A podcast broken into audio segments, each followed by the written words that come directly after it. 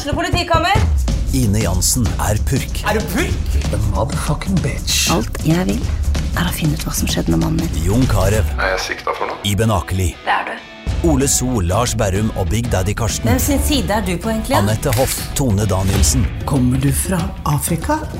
Jørnis Josef, Nesten. Kløfta. Trond Espen Seim, Det er synd å si det, men det var feil mann som døde. Purk. Premiere tirsdag på TV2 Play. Ungsamtalen fra DNB er økonomisk veiledning tilpasset deg som er ung. Bokk en ungsamtale på dnb.no. slash ung. Det er kjempebra hvis du skal inn på boligmarkedet, hvis det er drømmen din, liksom. Det er det du skulle sagt. Og så kunne du ropt litt mer, da, sånn som jeg gjorde. Bam! Åh,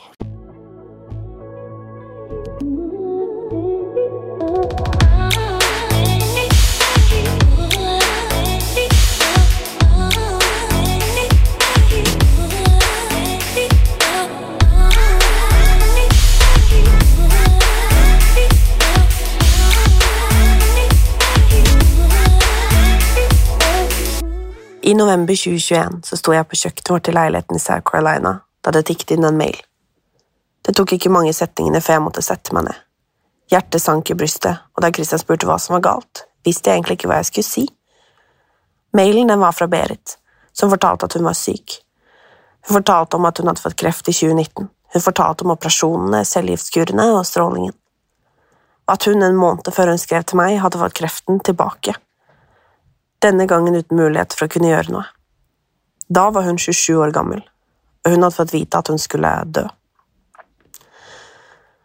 Det ble starten på et nytt bekjentskap, og Berit fortalte meg at hun strevde mellom å skulle dele sykdommen med de rundt, eller å holde det hemmelig, og vite hva som var best. I mailen skrev hun ordrett. Jeg tenker at om vi holder det hemmelig, og at dagen hvor jeg ikke har mer å gi, kommer, så blir det utrolig mange spørsmål, og en tung bør å bære for de rundt meg. De sier at jeg ikke skal tenke på dem, men det gjør jeg jo, selvfølgelig. Hun fortalte også at hun tenkte mye på samboeren sin, Magnus. Hun skrev, tenker også mye på kjæresten min, som har en jobb hvor prestasjon er så viktig. Han har spilt som normalt siden jeg ble syk, og har ikke gått glipp av en trening siden den dagen jeg fikk vite at jeg hadde fått kreft i november 2019. Fotballen er hans fristed, og jeg er så glad for at han har det, jeg føler også en voldsom trang til å beskytte han når eksperter og fans mener at han eksempel ikke har en god kampsesong osv. Jeg vil på en måte fortelle om meg, for at de skal forstå hvor sykt sterk han er som faktisk møter opp hver dag og gir alt, selv om livet på hjemmebane er helt jævlig. Det er vel bare det instinktet mennesket som vil beskytte de rundt seg. Derfor ville Berit gjeste Sykt med Martine, for å fortelle sin historie.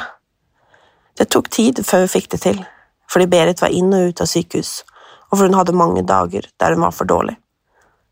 21. mars 2022 traff vi hverandre over Skype, og Berit delte sin historie.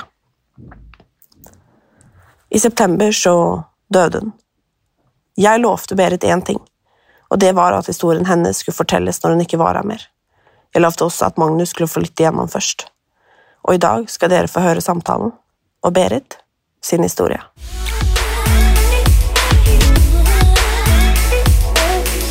Hei og velkommen, eh, Berit. Takk for det. Dette er kanskje den eh, vanskeligste episoden jeg noen gang har introdusert. Og Ja. um, jeg tror både du og jeg syns det er vanskelig å skulle snakke om det vi skal snakke om nå. Ja. Det tror jeg òg. Mm. Uh, og jeg skal være helt ærlig og si at jeg egentlig ikke helt vet eh, Vet hvordan vi på en måte skal, skal snakke om det. Nei, men det, det er ikke rart. Men man er jo ikke i den situasjonen så ofte at man vet hvordan man skal gå fram, da, på en måte. Em, når var det du fikk, eh, fikk kreftdiagnosen? Uh, Slutten av oktober i 2019. Hvordan fant du ut av det?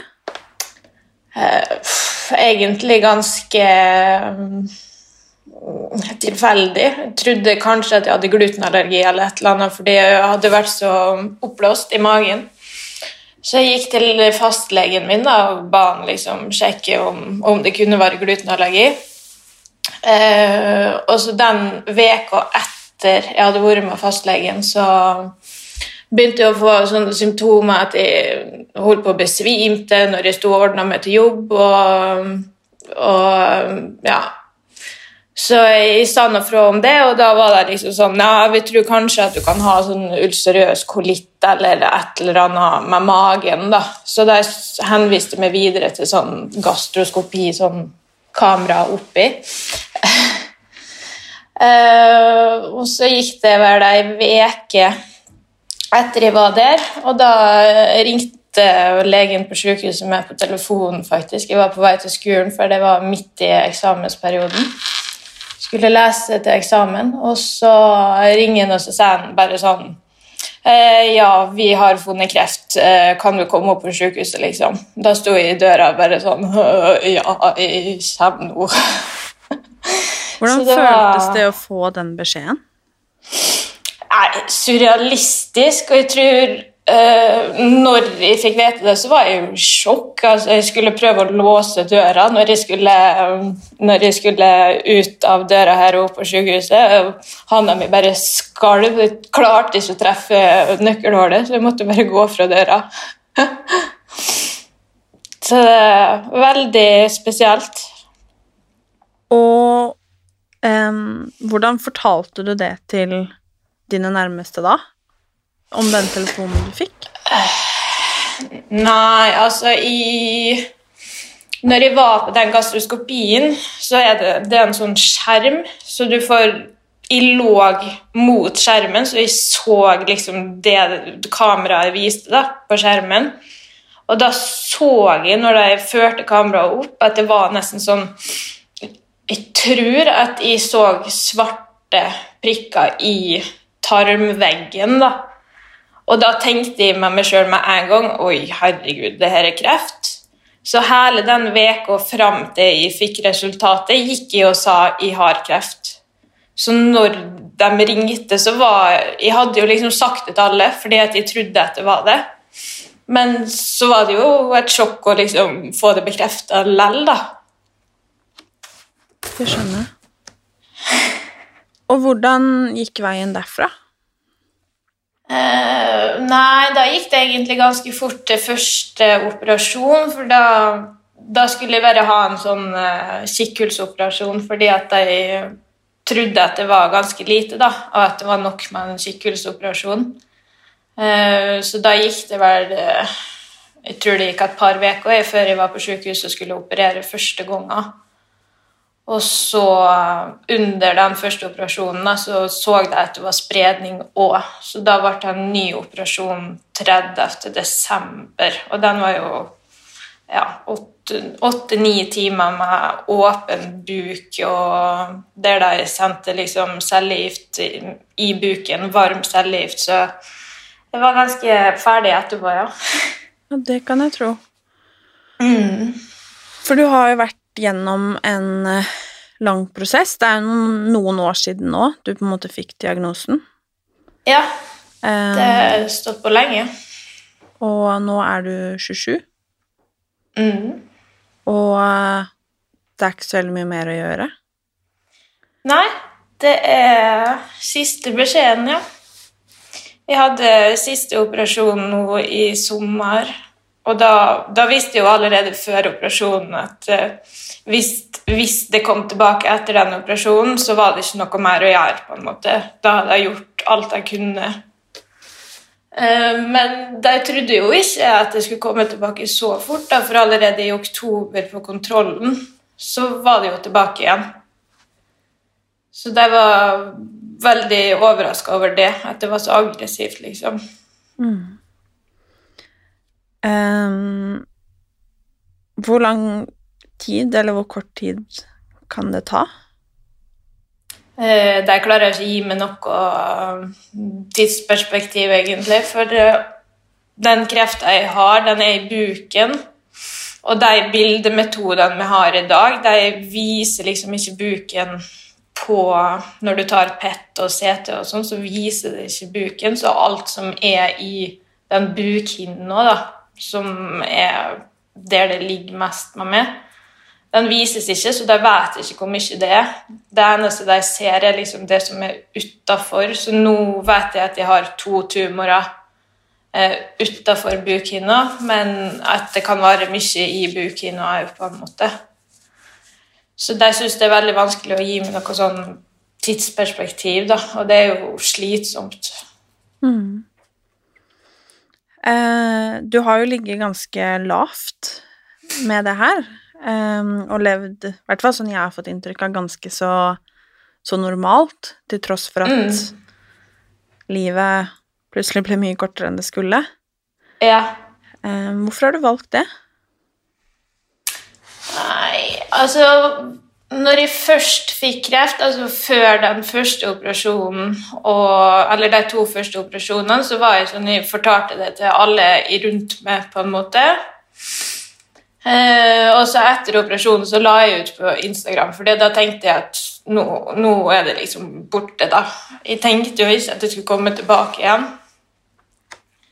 Eh, men så kom det jo tilbake igjen, og eh, når det kom tilbake igjen, så har jeg egentlig tenkt at da kan de nærmeste vite det, på en måte. For det er jo um, Det er en vanskelig åh.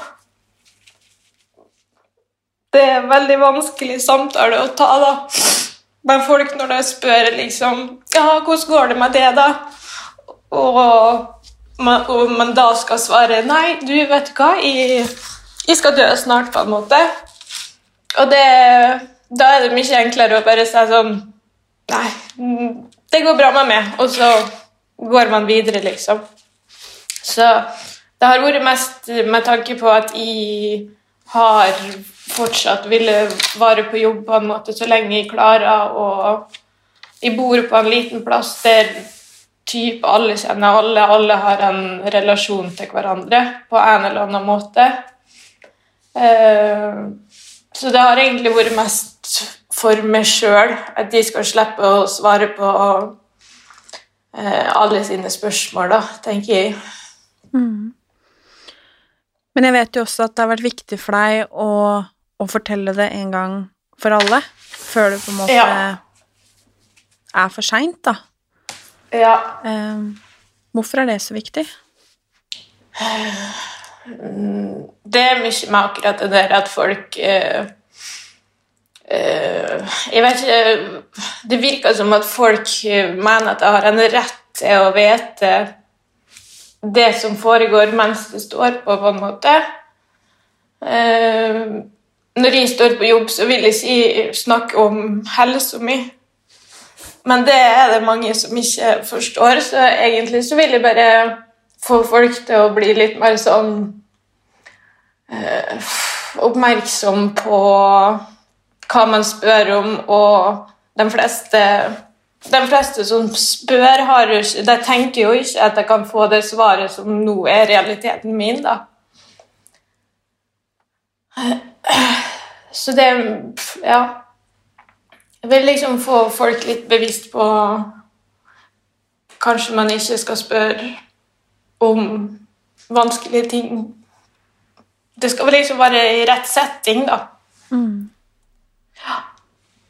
Er du redd for å dø? Nei.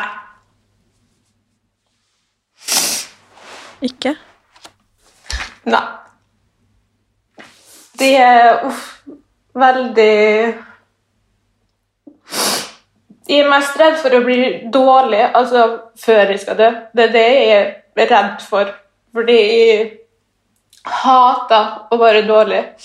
Og de to siste åra har jeg vært så mye to og et halvt siste åra. Jeg har vært så mye dårlig etter operasjoner og på cellegift og sånn. Så det er det jeg gruer meg mest til. For når du dør, så er det jo Da vet du jo ikke, på en måte. Da er det jo borte. Mm. Mm. Det er kanskje litt sånn rart spørsmål, men har du fått for deg at det er liksom enkle ting du vil gjøre og må gjøre før det på en måte er for sent? At livet liksom At, du har en bucketliste, liksom? Ja. Eh, Jeg har ikke sånn sånn ordentlig Jeg har kanskje tre-fire ting. Men så vet jeg jo ikke om jeg får det til, da. Så jeg prøver å ikke eh, gjøre den lista så veldig viktig, på en måte. For hvis de ikke får det til, så blir man jo så skuffa. Mm. Mm. Hvordan er det med familie, kjæreste, venner å på en måte skulle, skulle fortsette å leve med en dødsdom, da? Uh, nei Jeg tror det er vanskelig, men det er ingen som De prøver liksom å skåne med, tror jeg. Virker det som, da. Um, og så er jeg veldig sånn Klarer meg sjøl, trenger ikke Ja, jeg vet ikke. Jeg er veldig sånn Jeg er ikke avhengig av noen, på en måte, da. Så Men altså, jeg, skjønner jo at det er vanskelig for deg som er rundt meg. Men så er jeg litt sånn Jeg tenker mest på meg og mine følelser fordi det er jo Det er jo jeg som lever det, på en måte, mens de står ved siden av. Det er vanskelig å forklare, men ja. Men, eh, og jeg tror det er veldig vanskelig. Mm. Mm. Snakker dere mye om dette, eller prøver dere å snakke minst mulig om det? Fram til nå så har vi egentlig prata veldig lite om det, fordi jeg er en sånn person at jeg, så lenge jeg klarer, så vil jeg at ting skal være normalt. Eh, samme til det at de vil gå på jobb så lenge de klarer, og, og at man liksom skal føle at man er normal, da, og ikke bare den sjuke hele tida. Så det har vært litt sånn eh, Ja, at eh, Nei, jeg vet ikke helt hva jeg skal si. Vi snakka jo litt om det, men ikke sånn Jeg tror vi snakka mindre om det enn hva andre gjør, på en måte. I samme situasjon. Ja. Mm. Syns du det er litt fint? Ja, men det er jo mye fordi at jeg har sagt at jeg vil ha det sånn, da. Men jeg, jeg, jeg skjønner jo sjøl at det er vanskelig for deg rundt meg å ikke kunne spørre meg typ, ja, om det de vil spørre om. Men jeg tenker at eh, det kommer til å bli nok tid til de samtalene når, når jeg ikke er på, er på jobb, f.eks., ja, når jeg har blitt så dårlig at jeg ikke at jeg ligger på sykehus, eller hvor jeg nå skal ligge, på en måte, da. Mm. Nå spør jeg kanskje dumt, Berit, men vet du om det er Jeg spurte deg litt, men kan det være om tre måneder, eller kan det være om fem år? Har du Altså Nei, det er det. Det er i nærmere Jeg tror sånn det fram til sommeren i løpet av de månedene er liksom eh, realistisk, på en måte. Hadde i De har jo gitt meg tilbud om å få cellegift eh, for å liksom bremse det, og da hadde jeg jo kanskje kunne fått seg det de har sagt til meg, er sånn ett og et halvt, to år da, ekstra. Men det vil jo si at jeg kommer til å være dritdårlig mye pga. cellegifta. Så det har jeg sagt nei til. Og det er jo vanskelig for de rundt meg, da. Mhm. Hvordan klarer du å, å fortsette? Når du vet hva som liksom er i vente? Nei, det Tenker på det sjøl av og til. Som, hva er vitsen, liksom? Men så er det jo det å få dagene til å gå òg, da. Jeg blir en veldig dårlig versjon av meg sjøl når jeg bare ligger på sofaen, på en måte. Så det gir meg veldig mye sånn eh, mentalt. Å kunne gå på jobb eller gå og trene og ja Føle meg ikke som den sjuke. For det har jeg følt med mye de siste to og et halvt åra. Mm. Vet de på eksempel jobben din at du er syk? Ja. Ja. Ja. Mm. Um, du har jo en, eh, en kjæreste også, en samboer. Mm. Det må være jævlig vanskelig. Ja. Mm. Det er veldig vanskelig, men han ja. Han har vært veldig fin oppi alt. Han er liksom tryggheten jeg har hatt, og den mm, Han har kanskje vært den eneste jeg har trengt å ha nær, bortsett Ja, det er han som har vært nærest, liksom, mens alle andre i familien har blitt litt mer sånn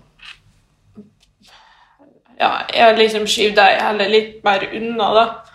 Fordi det har vært nok å ha hatt eh, Magnus, på en måte. Så han har stått veldig støtt ved sida mi. Jeg Jeg og Kristian, samboeren min, vi, Mm. vi legger jo liksom planer. Ja. Um, lyst til å gifte oss og få barn og du vet Drømmer Ja. om liksom Om livet, og jeg skjønner jo at det har sikkert dere gjort også. Ja. Hva gjør dere nå? Um, vi håper på fine dager, på en måte. Fram til. Og så er vi mye i lag. Så ja. Jeg går på kampene hans og er stolt av han og Vi prøver liksom å ha en normal hverdag, og så prater vi litt om det innimellom, og så skriker vi litt, og så ja. Men det er Uff, ja. Vanskelig. Hvordan håndterer han også å skulle gå videre etter deg, når man dere hadde planer om et langt liv sammen? Mm. Det har vi prata veldig lite om, fordi Det er jo noe som må skje, på en måte. Men Ja. Vi har ikke prata så mye om det.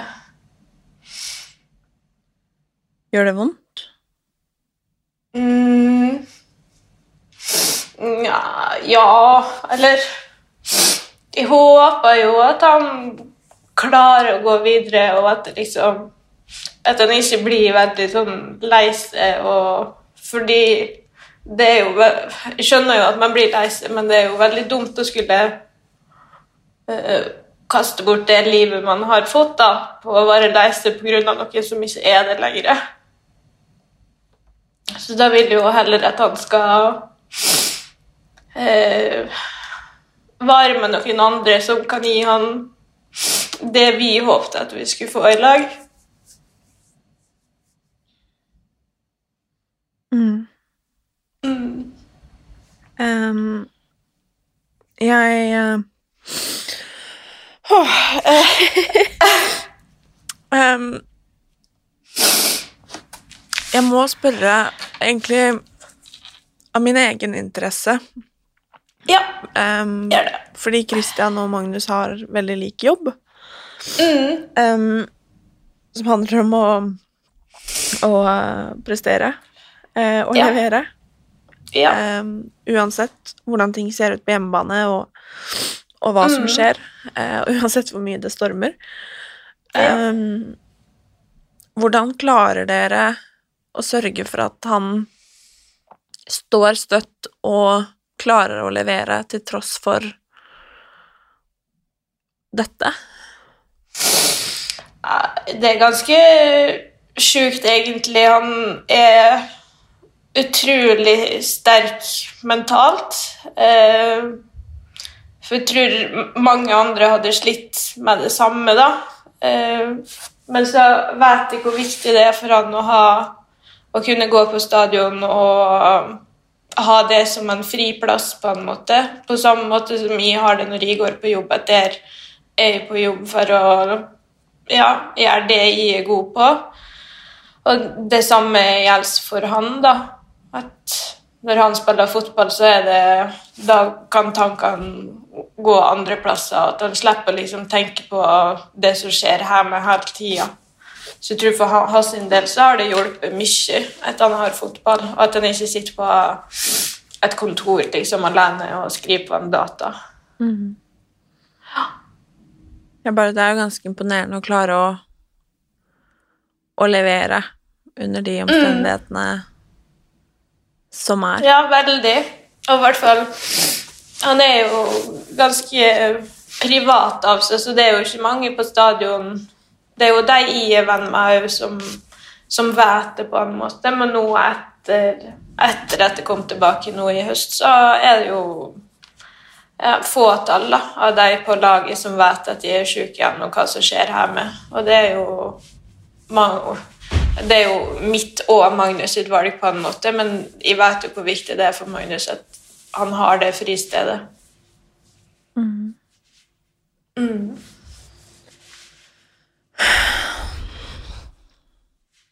Ja. Blir det et fristed for To. deg òg? Ja, det er jo det. Jeg elsker jo Altså, jeg er jo veldig glad i fotball, og har alltid vært det. Så jeg, jeg syns jo det er veldig stas å gå, kunne gå på kamp og se kjæresten min spille. liksom. Var på kamp i går, og da skåra han mål, og da sitter jeg med tårer i øynene og er stolt, liksom. Så det er veldig fint, det.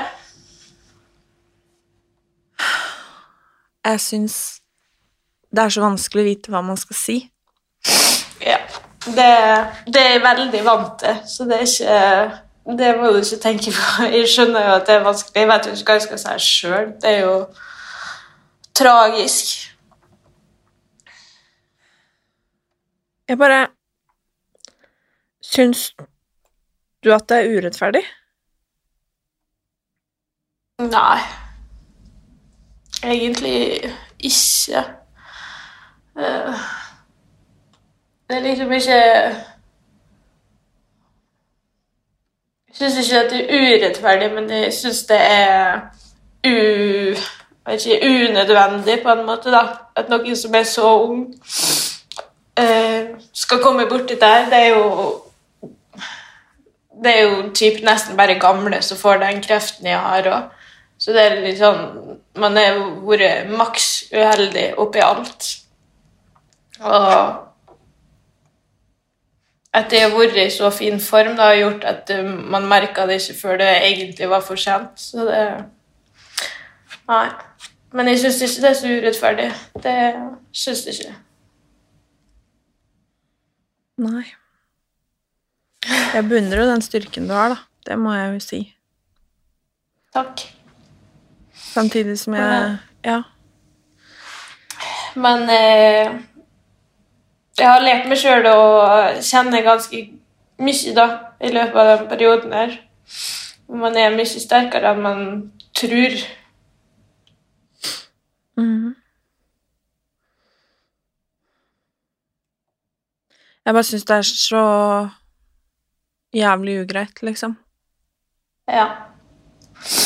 Ja, ja. Det er jo det. Men det er akkurat det der med urettferdig, fordi Hadde det ikke vært med, så hadde det vært noen andre, på en måte. Og det, det er jeg ikke syns det er så urettferdig med, fordi at jeg vil jo ikke at noen andre skal bort til det heller. Så ja. Du sa at eh, du er vant til at folk ikke vet hva de skal si. Eh, Mm. Og det er jo det jeg på en måte sitter og føler, at det, ja. Hvordan kan man sette ord på, på det her? Um, Fordi man, man ser det ikke på det, man tenker ikke på det hvis ikke man vet. Um, Nei. det er kanskje mange som hører dette og tenker 'hæ?' Um, Ja. det, det kommer det til å være. Um, Mm. Både på sikkert Magnus sine vegne, men spesielt på dine. Ja. Em, og jeg lurer på hva Ukas annonsør er Asan, min daglige intimmask. Jeg er oppvokst med Asan intimsåpe i dusjen hjemme hos mamma og pappa, og det ble også en vane jeg tok med meg da jeg flyttet ut hjemmefra. Med andre ord så har Asan fulgt meg så lenge jeg kan huske. Gjennom ulike faser, perioder, oppturer og nedturer. Og vet du hva? Nå har Asan blitt nyere og bedre. Med et oppdatert utseende, ny logo og bedre formulering som er ekstra mykgjørende. Den inneholder naturlig melkesyre for å bidra til å opprettholde den naturlige pH-balansen i intimområdet vårt. For visste du at sterk parfymerte såper kan forstyrre pH-balansen i underlivet? Intimsåpene fra Asan har en kremet konsistens som gir en behagelig følelse etter vask, og de har intimprodukter for å passe alle og enhver for at du skal kunne ta vare på balansen. Hva skulle du ønske at folk sa? Er det noe Altså sånn for oss, da, om vi kan lære noe, liksom? I en Ja. situasjon som er så håpløs? Jeg tror jo det her er veldig personlig, da, men det jeg har lært, er at det beste er at folk spør meg hva, hva er det du vil, på en måte. Hvordan skal jeg takle det? Vil du at jeg skal spørre? Vil du at vi skal snakke om det? Og så har jo i dager der ikke vil prate om det i det hele tatt. og Det er jo når man f.eks. er i settinger der det er masse folk rundt. Fordi eh, man har jo sånne dager der man er veldig Følelsene er utpå, liksom, og da vil du ikke sitte med 100 folk rundt og sitte og grine. Så det er liksom eh, min, min greie er at hvis eh, At folk spør hvordan, hvordan vil du at jeg skal opptre nå, og så vil jo den eh, forandre seg Altså, det har jo forandra seg etter at jeg fikk beskjed om at nå er det ikke mer å gjøre, på en måte. Og for min del så syns jeg jo nå at det nesten er vanskeligere at folk ikke spør meg sånn hvordan går det, eller at jeg ikke tør å spørre, da, sånn som du spurte i stad, sånn kan det vare tre måneder, eller kan det vare fem år? Og det er sånn Kan dere ikke bare spørre, fordi at dere lurer jo? Åpenbart. Men det er jo veldig vanskelig for deg rundt. Og i hvert fall når jeg har vært sånn at når ting har vært bra, så vil jeg bare late, nesten late som ingenting, da. Så mitt beste råd er jo å bare spørre hvordan vil du ha det i dag. Skal vi snakke om det, skal vi ikke, eller ja Hva vil du nå? Har du klart å akseptere at dette er situasjonen? Ja, det har jeg. Men jeg er veldig Jeg vet ikke om det har kommet etter jeg ble syk, eller om jeg var det tidligere òg, men jeg har blitt veldig sånn negativ av natur. Så når eh, Før den siste operasjonen så var jeg sånn Hvorfor gidder jeg å ta operasjonen? Jeg vet jo at jeg kommer til å komme tilbake. Um, og det gjorde det jo på en måte, men det er jo en forsvarsmekanisme jeg har, eh, har uh, laga meg da, for at eh, jeg ikke skal bli overraska når det kommer eh, negative beskjeder, på en måte. Da er jeg forberedt. Hvordan er det med liksom sånn Jeg tenker på alle oss som hele tiden går rundt et sånn hamsterhjul, skjønner du hva jeg mener? Ja, ja. Gå på jobb, vi skal liksom se sånn ut, vi skal være perfekte, vi kjører på sånn og sånn, Trave rundt dette hamsterhjulet, liksom, av forventninger og press og formeninger og forventninger, da. Mm. Um, hvordan, hvordan gjør du det? Fordi vi, vi jager jo, vi mennesker da, vi jager jo et eller annet Et eller annet som jeg ikke Her jeg sitter nå og prater med deg, skjønner at hva faen er det vi egentlig jager? Um, og liksom Å nei, vi skal bli tynnere, vi skal bli penere, vi skal bli bedre, vi skal bli Ja. rikere. Alle disse tingene her, og så er det egentlig bare Altså det betyr jo egentlig ingenting. Nei, og det Så lenge du har helse og du har fine folk rundt deg, så er jo det det som betyr noe, på en måte. mm. Mm. Og det Det, det er mye sånn Sånn som du sa, det hamsterhjulet. Du merker det jo liksom på venner rundt meg. Sjøl om de vet situasjonen min, så fortsetter jo deres sitt liv på sin vanlige måte, liksom. Og det Noen dager syns jeg at det er kjipt, men, men det er jo liksom naturlig. Det må jo være sånn. Syns du at det er uh, tullete hvis noen f.eks. har uh, krangla med kjæresten om at eh, kjæresten aldri rydder hjemme eller eh, aldri går ut med søpla, liksom? Eller klarer du fortsatt å ha medfølelse for det? Nei da, jeg klarer fortsatt å ha medfølelse for det, for det er akkurat den at typen ikke går ut med søpla, det skjer her hjemme jo fortsatt, så det Så det, det går helt fint, ja. Men, men eh, klarer dere på en måte å la være å ha de der, kall det tullete hverdagsdiskusjonene, eller holder dere litt liv i dem for at ting skal være så normalt som det du ønsker? Nei, det har blitt mindre av det, ja. Det har det. Absolutt. Eh, Men det er jo av og til eh, Jeg er jo en sånn person som blir fort irritert, f.eks. Og Magnus elsker å irritere meg. Så det, det oppstår noen situasjoner der jeg ikke klarer å, å holde kjeft. Men eh, det har blitt mindre av det. Det har det. Ehm, dette er kanskje et overfladisk og tullete spørsmål, men, men som jeg lurer på allikevel. Fordi litt sånn som jeg sa om dette hamsterhjulet, at man liksom Å nei, man skal bare spise godteri på lørdager fordi det er det som er sunt, liksom, og altså alle disse tingene her. Har du liksom sånn Ja. Gidder du fortsatt å gå til frisøren, liksom? Tenker du på at 'nei, jeg kan ikke spise sjokolade i dag, for i dag er det torsdag', for eksempel, liksom? Nei, akkurat det med håret Jeg er veldig For jeg, jeg var så redd for at jeg skulle miste håret når jeg var på cellegifta. Så jeg er så glad for at jeg fortsatt har hår, at jeg ikke mista det.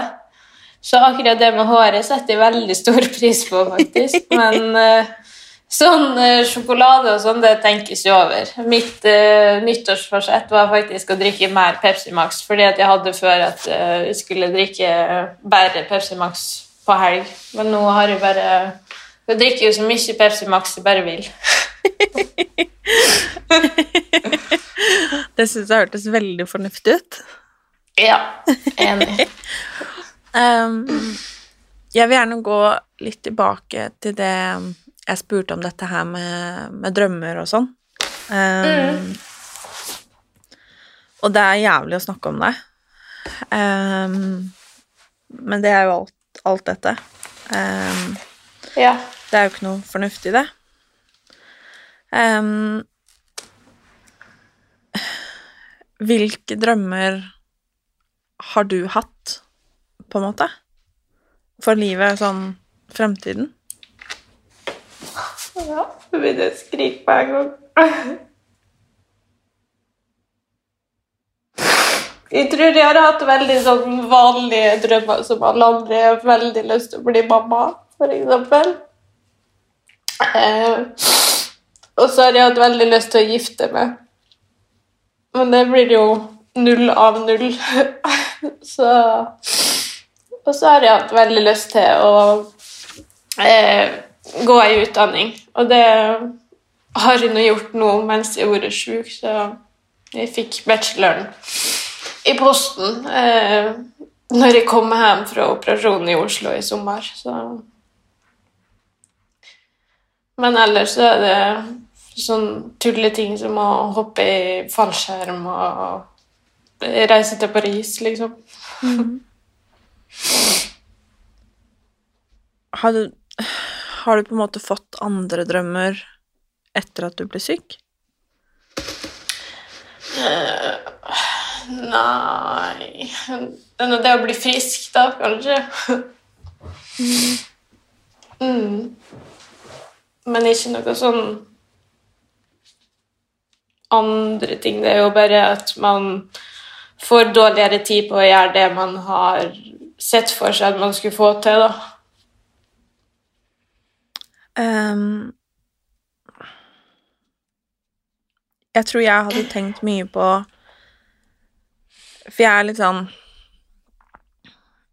Jeg er ikke så glad i å kaste bort tid. Um, mm.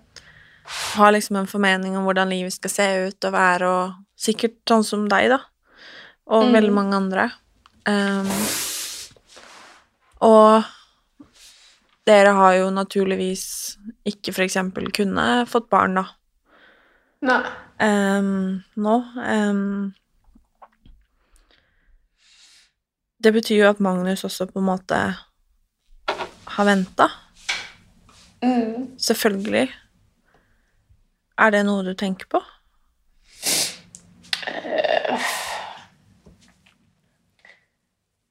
Mm, altså Sånn jeg kjenner Magnus, så hadde han ikke hatt unge enda uansett på en måte om det var meg eller noen andre han var sammen med.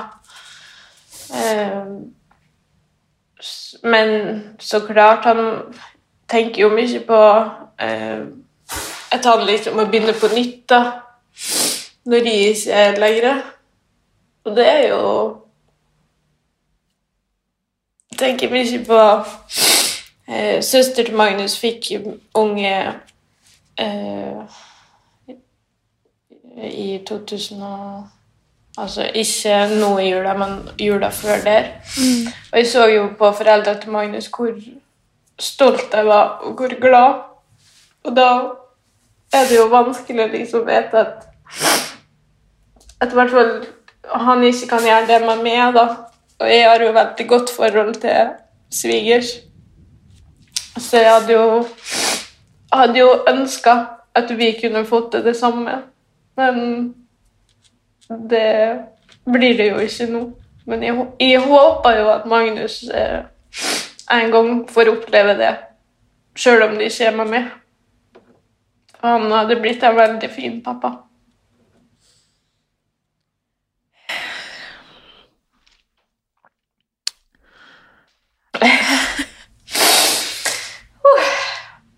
Ja. um. Det, det er tøffe ting. det er jævlig tøffe ting. ja. Um, jeg lurer litt på På hvem du egentlig er, jeg. Berit. Altså sånn hvem ja. Hvordan ville eksempel Magnus beskrevet deg?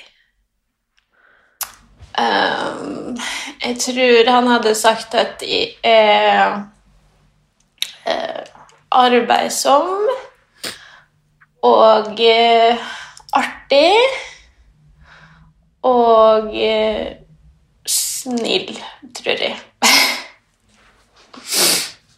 Gode egenskaper. det Ja. um, ja. Hvordan vil du at vi skal huske deg? Uh, oi. Jeg håper bare folk uh, husker den, den jeg har vært, på en måte. At jeg skjønner jo at folk ikke kommer til å glemme meg av de som er i nærheten av meg, men mm, Jeg vet ikke. Håper folk husker at jeg var en snill person. og som ikke brydde meg så mye om alt mulig annet, som influensere og sånn sminke og spons på Instagram og sånne ting. Men det, det skal jo være sagt at jeg syns at du er en veldig fin influenser og bruker plattformen din på en veldig bra måte, da. Det er det ikke alle andre som gjør. Nei, setter jeg stor pris på. Og jeg Når jeg jeg, på en måte kom i kontakt med deg, um, Mm. så har jeg på en måte følt veldig også um, på det at jeg har lyst til å på en måte forvalte historien din på en, på en god måte. Ja. Fordi um, det syns jeg at du fortjener. Mm. Um, og jeg skulle ønske at verken du eller noen andre på denne jorda her um, måtte oppleve det som du og dere gjør nå. Mm. Um, men så sitter andre rundt og er i samme situasjon. Ja. Um, Mange. og derfor tror jeg det er så viktig at vi prater om det også. Og jeg er så glad Ja. for at du finner styrke til å gjøre det, fordi det må jo føles jævlig ensomt. Eh, ja, og det var jo litt av grunnen til at jeg hadde lyst til å liksom fortelle om det. Det er jo fordi at eh, jeg har aldri hørt om noen på min alder som liksom snakka om det, og hvordan det er å skal dø, på en måte. Og det er jo Jeg har jo sett etter podkaster, og man vet jo ikke Man har jo sånne ordninger at man kan prate med likemenn og sånn, men det er jo fader med det er jo ingen på min alder. Det er jo 50-åringer, og så skal du sitte og relatere det til folk som har vært gjennom samme sykdommen, men som er dobbelt så gammel som det, liksom, og har levd et forholdsvis langt liv, da. Så sitter du der som 27-åring og egentlig akkurat har starta. Så jeg føler jo at det er en viktig ting å gjøre, ikke bare for meg, men for andre òg. Hvordan eh, Hvordan håper du at eh, døden er? Eh, jeg håper at det ikke er ondt, og at det liksom bare Jeg tror jo ikke på at det er noe etter døden, på en måte. Så det eneste jeg håper, er at jeg ikke, at jeg ikke skal ha vondt før det skjer.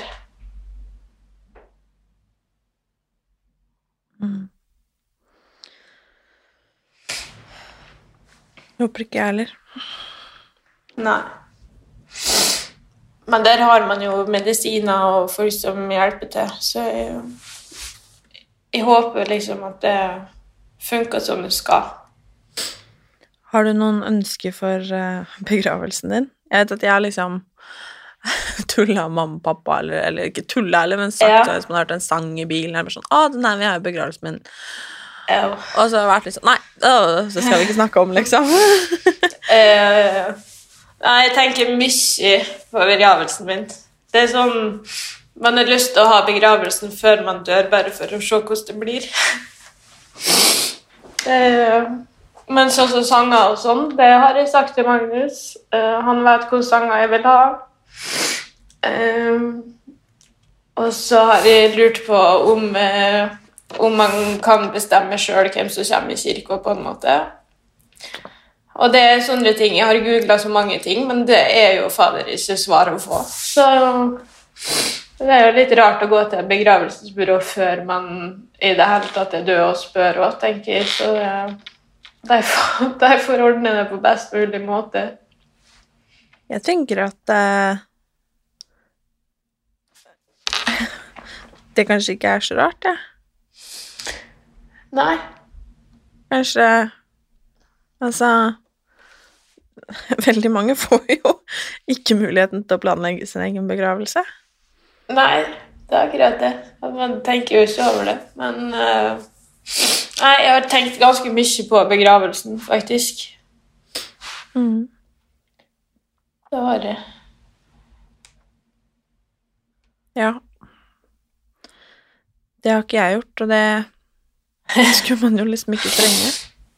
Nei, det er et privilegiet å ikke trenge det. Mm.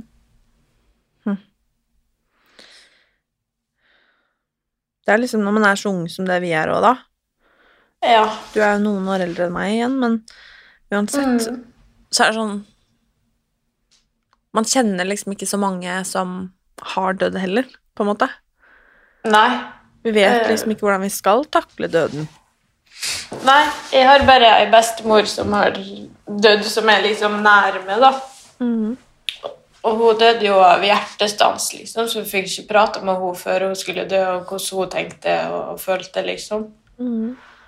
Så det er, det er ganske sånn surrealistisk eh, å vite at man skal dø på forhånd. Det er en veldig rar situasjon. Helt fucka, faktisk. Mm. Uh, nei, for bare Vi lærer jo liksom aldri om døden. Vi snakker jo aldri om døden. Um, Nei, veldig døden lite. Den er liksom så skummel, da. Ja. Det er liksom Men det burde jo egentlig ikke være så skummel heller, da, for alle skal jo igjennom det. På Det er det eneste som er helt sikkert, i hvert fall. Ja, Og det er helt sant. jeg syns det er så fint det der med at man sier at um, en dag så skal man uh, dø, eh, men før det så skal man leve. Mm. Og jeg syns jo at det er en veldig fin påminnelse her også. Ja, det er så mange ting man bekymrer seg over eller tenker over, og det er bare drit i det. Hvem bryr seg? Mm.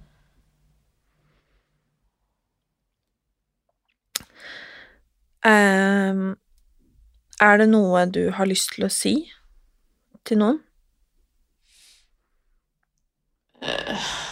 Tenker du som er nærme, liksom, eller uh... Ja. Jeg vet ikke, jeg har liksom ikke kommet helt uh, der i prosessen ennå at jeg har begynt å tenke sånn, tror jeg. Ehm, jeg håper jo at det kommer senere, men sånn akkurat nå så har jeg ikke sånn Å, det må jeg huske på å si til den personen, og det må jeg huske på å si til den.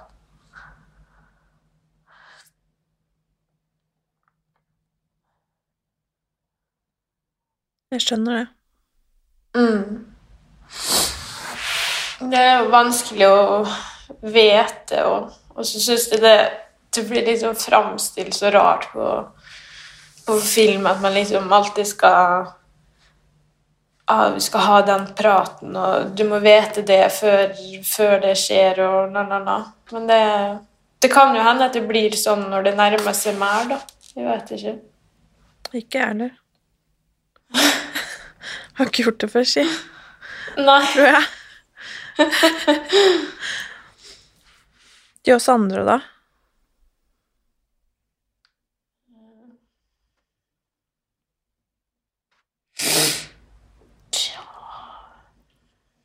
Dere er heldige.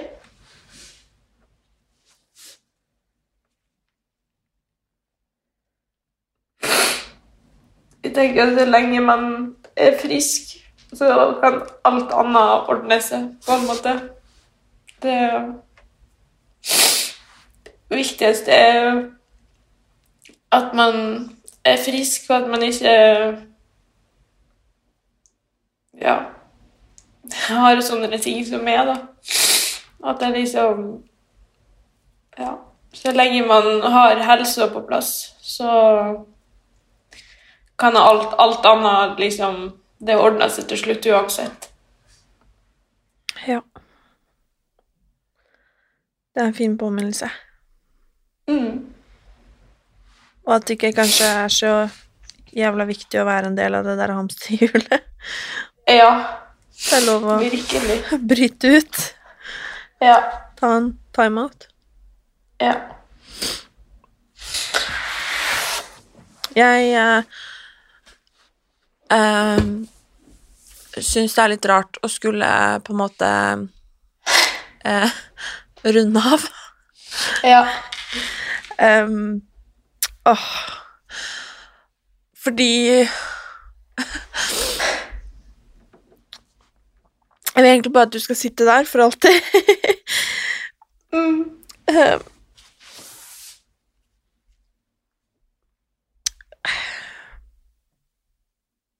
Så må vi liksom legge på. Fordi livet går videre. Ja. Noen ganger så er det så jævla dust, men samtidig så er det litt fint også. Mm. Det går videre. Ja. Um, jeg syns bare det er rart å skulle, skulle si ha det, liksom, fordi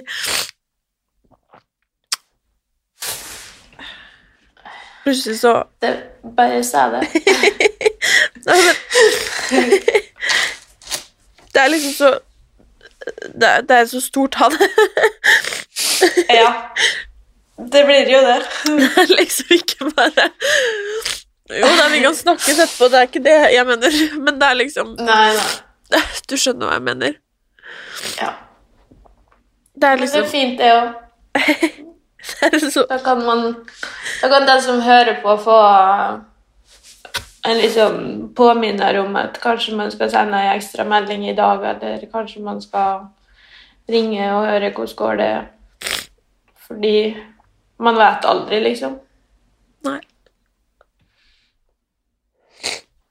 Man vet aldri. Men jeg syns det har vært veldig fint å ha snakka.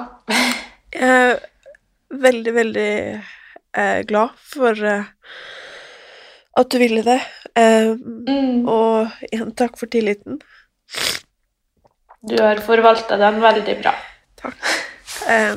og jeg er bare veldig glad for at du ville dele med oss, fordi uansett når, eh, når, det, når dette blir, så, så ligger du her, og du, eh, du finnes og kan lyttes på i, i mange, mange år framover Ja. av de som trenger det. Mm. Og det er jo veldig fint å tenke på. Eh, ja Så hva sier man? Snakkes. Ja. Mm. Jeg føler man burde si noe sånn klokt, jeg, på slutten. Sånn Ja, har, har, du, har du noe klokt? Nei, fordi at dette er så fucked up. så det er liksom bare sånn Altså Det det er ikke noe fornuft i det, skjønner du? Nei. Nei, absolutt ikke. Men uh, du trenger ikke si noe klokt for min del. Nei, Jeg vet ikke om det er så mye klokt å si heller, for å være helt ærlig.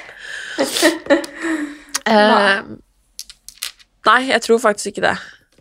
Nei, jeg tror ikke det gjelder. Og så er det jo kanskje litt fint, egentlig, at uh, i dette forbanna forbanna situasjonen, så, så sitter vi og ler og gråter om hverandre.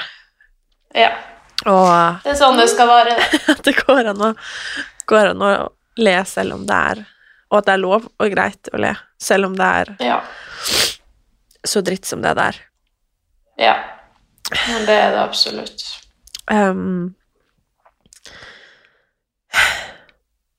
ja.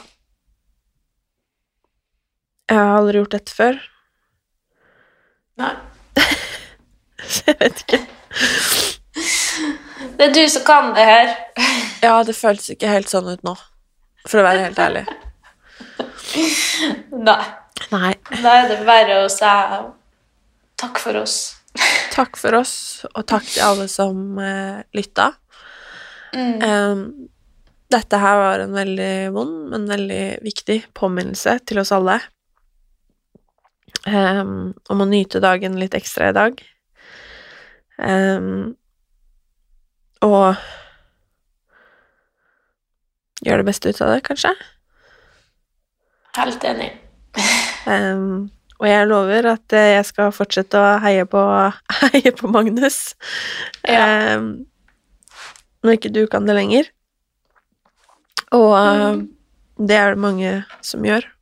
Um, både med deg og med, med han. Ja, bra. Det lover jeg. Mm. Så ja. Takk, Berit. Takk sjøl. Takk for at du er du. Takk, Du òg.